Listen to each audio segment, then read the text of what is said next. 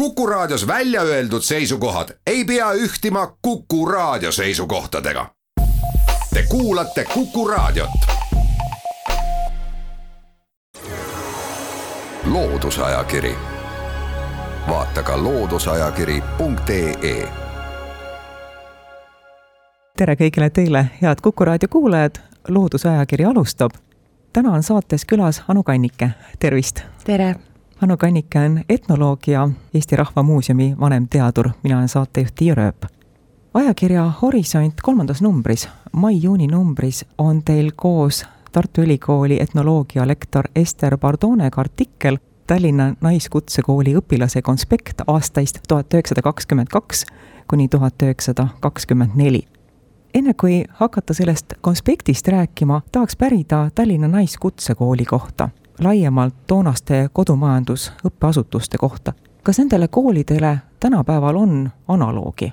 Ma usun, ma usun küll, et, et mingil määral me saame võrrelda seda tänapäevase kutseharidusega, aga samas tegu ei ole sellise otsese vastega. Ja mis puudutab nüüd äh, Tallinna linna Naiskutsekooli, mis asutati tuhat üheksasada kakskümmend kaks, siis tegelikult see oli üks kõige esimestest sellistest mitmeaastase kursusega küllaltki põhjalikku kodumajandusharidust andvatest koolidest, mis Eestis üldse rajati, kuna juba küll kahekümnenda sajandi algul oli korraldatud mitmesuguseid majapidamiskursusi lühemaajalisi, tuhat üheksasada kümme, tuhat üheksasada üksteist olid ka asutatud äh, küll majapidamiskoolide nime all, aga siiski ka pikemad kursused, aga nüüd see kool ja, ja mõned teised esimesed, need olid tõesti niisugused juba nii-öelda põhjalikuma ja süstemaatilisema ja ka, ja ka moodsa hariduse andmise kohad. mis oli näiteks Tallinna Naiskutsekooli eesmärk, keda koolitati? kus pidid kooli lõpetanud omi teadmisi, oma oskusi rakendada saama? jaa, mis oli ka uus, oli see, et kui need varasemad kursused või, või koolikesed olid olnud suunatud põhiliselt koduperenaistele või taluperenaistele, siis nüüd kooli juhataja Anni Varma seadis ülesandeks juba ka valmistada ette kutselisi ehk siis palgatööd äh, tegevaid majapidamise korraldajaid, majapidamisõpetajaid ja see eesmärk oli ka küllalt ambitsioonikas selles mõttes, et ka deklareeriti, et mitte üksnes ei jagata praktilisi oskusi, aga rajatakse alus Eesti rahvuslikule kodukultuurile siis tolle aja kõige moodsamate teadmiste alusel. ehk siis ühtepidi see rahvuslikkus ja teistpidi ka teaduspõhisus mis oli, mis oli siis täiesti uus. ja kui nüüd rääkida konkreetsemalt, siis koolis oli tegelikult neli põhiosakonda, kolm nendest puudutasid käsitööd, siis õmblemist, tikkimist, kudumist kuid kõige suurem ja populaarsem osakond oli siis neljas, ehk siis majapidamine koos aiatööga, kus siis õpetati toidu valmistamist, kodu sisustamist, nagu öeldud, aiandust, aga ka siis käsitööd ja ka kondiitritööd.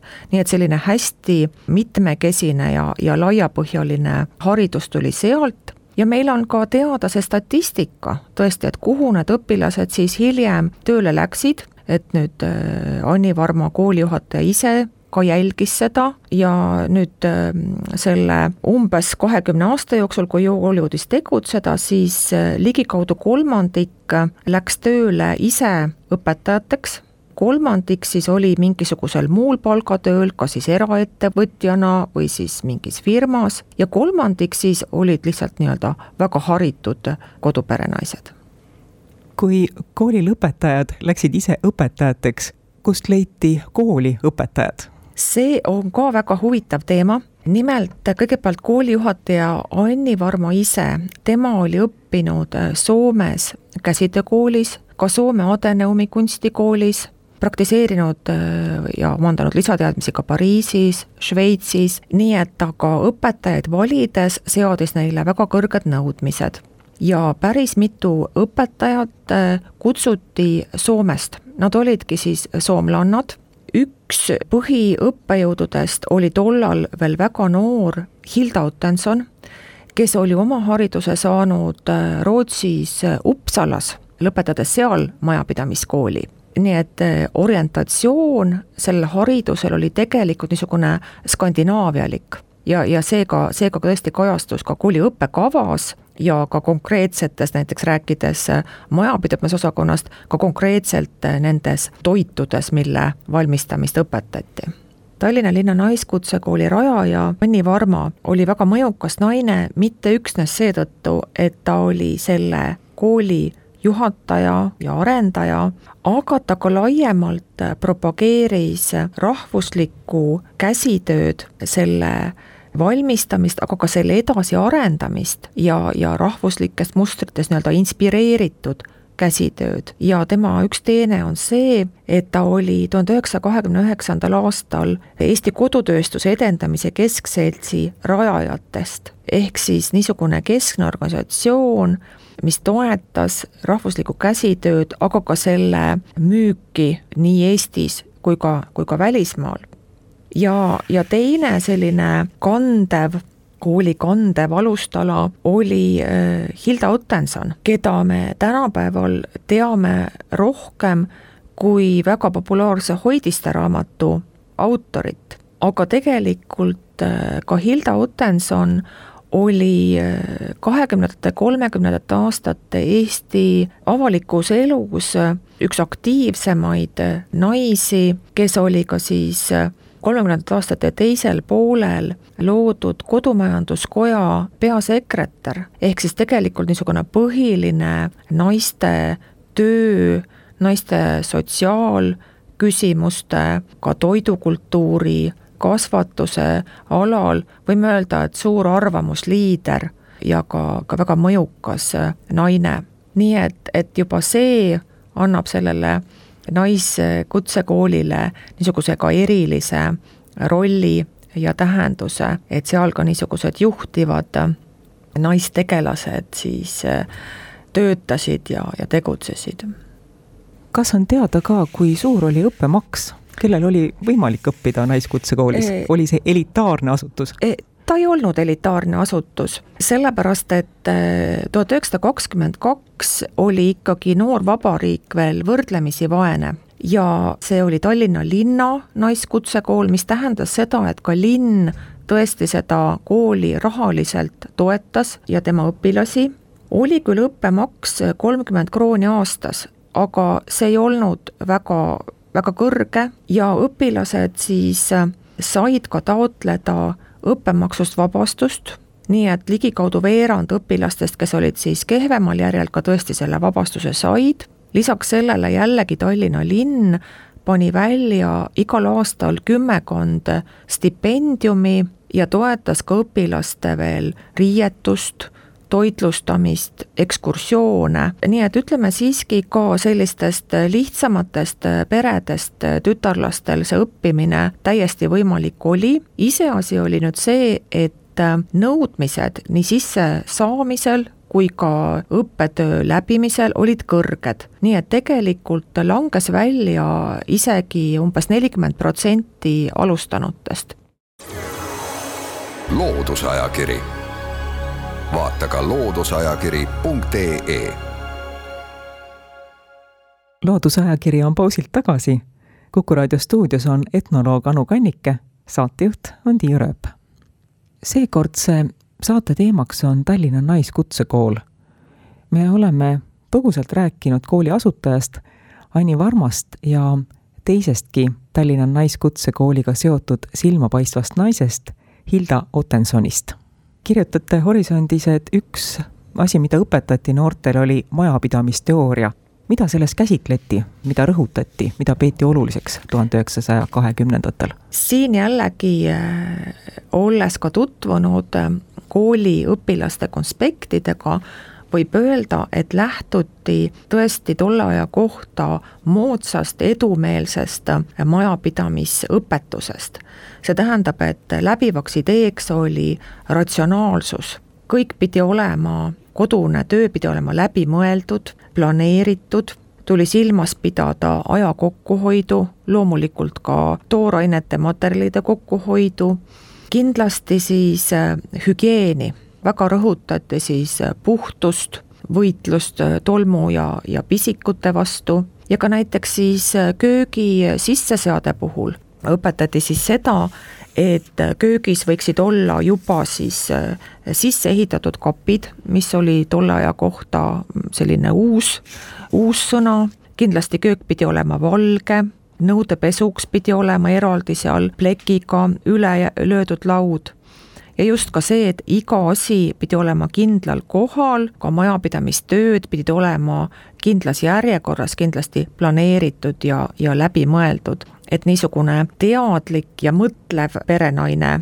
oli siis see, keda kasvatati ja, ja jällegi tsiteerides Anni Varmat, et kooli missiooniks oli siis mitte üksnes õpetada kutseoskusi, vaid luua niisugune kasvatusasutus, kus õpilane on pandud mõtlema, arutlema, analüüsima ja kritiseerima. ja kui me nüüd ka mõtleme sellele, et õpilased olid naised, siis see tähendas ka tegelikult äh, nii-öelda emantsipeerunud naise kasvatamist, et eesmärgiks oli siis niisugune naine, kes mõtleb oma peaga, kes on iseseisev ja langetab nii-öelda ratsionaalseid otsuseid.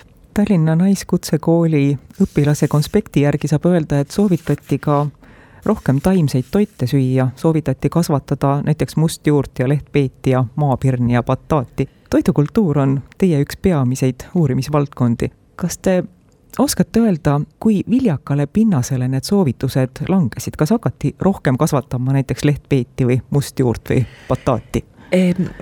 ma ei saa teha väga kaugeleulatuvaid üldistusi aga arvestades, et need õpilased olid noored, õpetajad olid väga entusiastlikud, siis ma usun küll, et, et need perenaised ka neid taimi, kas just nüüd nii tohutus valikus, aga nad kindlasti oskasid taimetoite hinnata. Ja, ja ma võin öelda, et minu oma vanaema, kes selle kooli oli lõpetanud, tema küll elu lõpuni rõhutas näiteks, et kui tervislik ja vajalik on spinat ja ka köögiviljade suhtes ka oli, oli kõrgel arvamusel.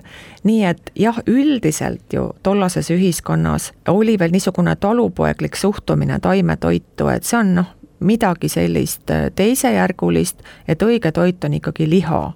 aga jah, et nüüd siis selles koolis tõesti tuli see moodne, just nimelt ka Soome-Rootsi kaudu, see moodne arusaam, et taimetoidud on on tervislikud ja nad annavad täpselt sama palju jõudu kui liha või kala.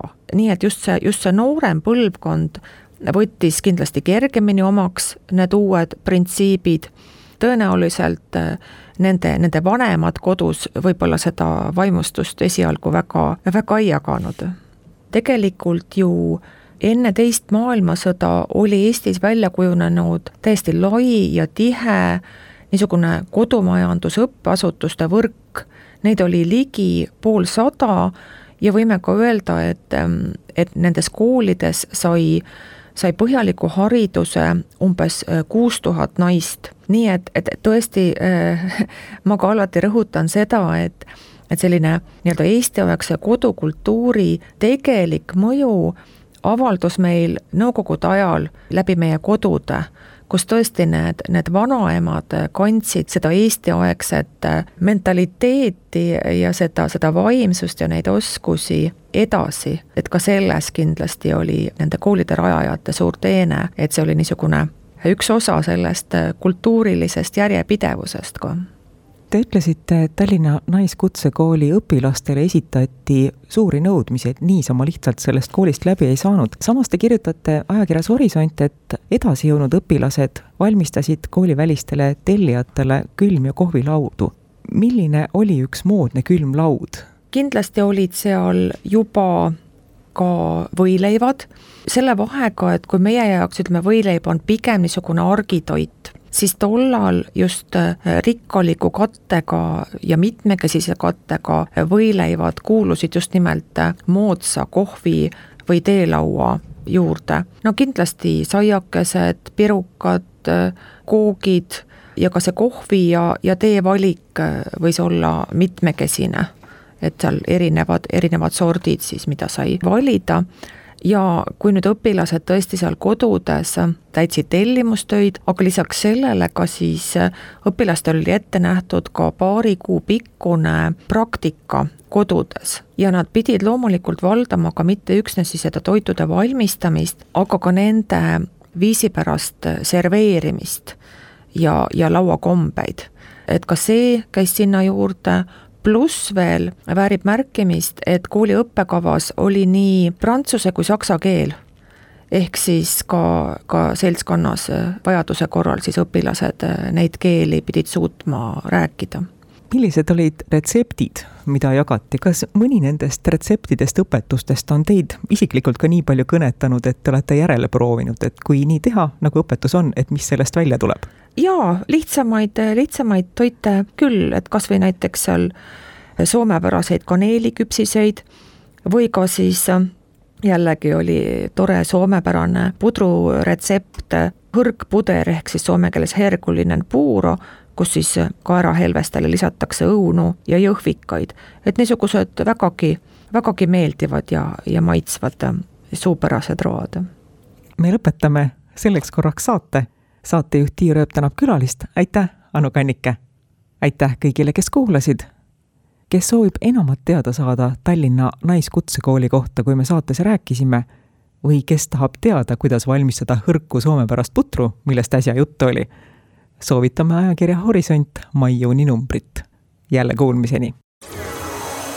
loodusajakiri, vaata ka looduseajakiri.ee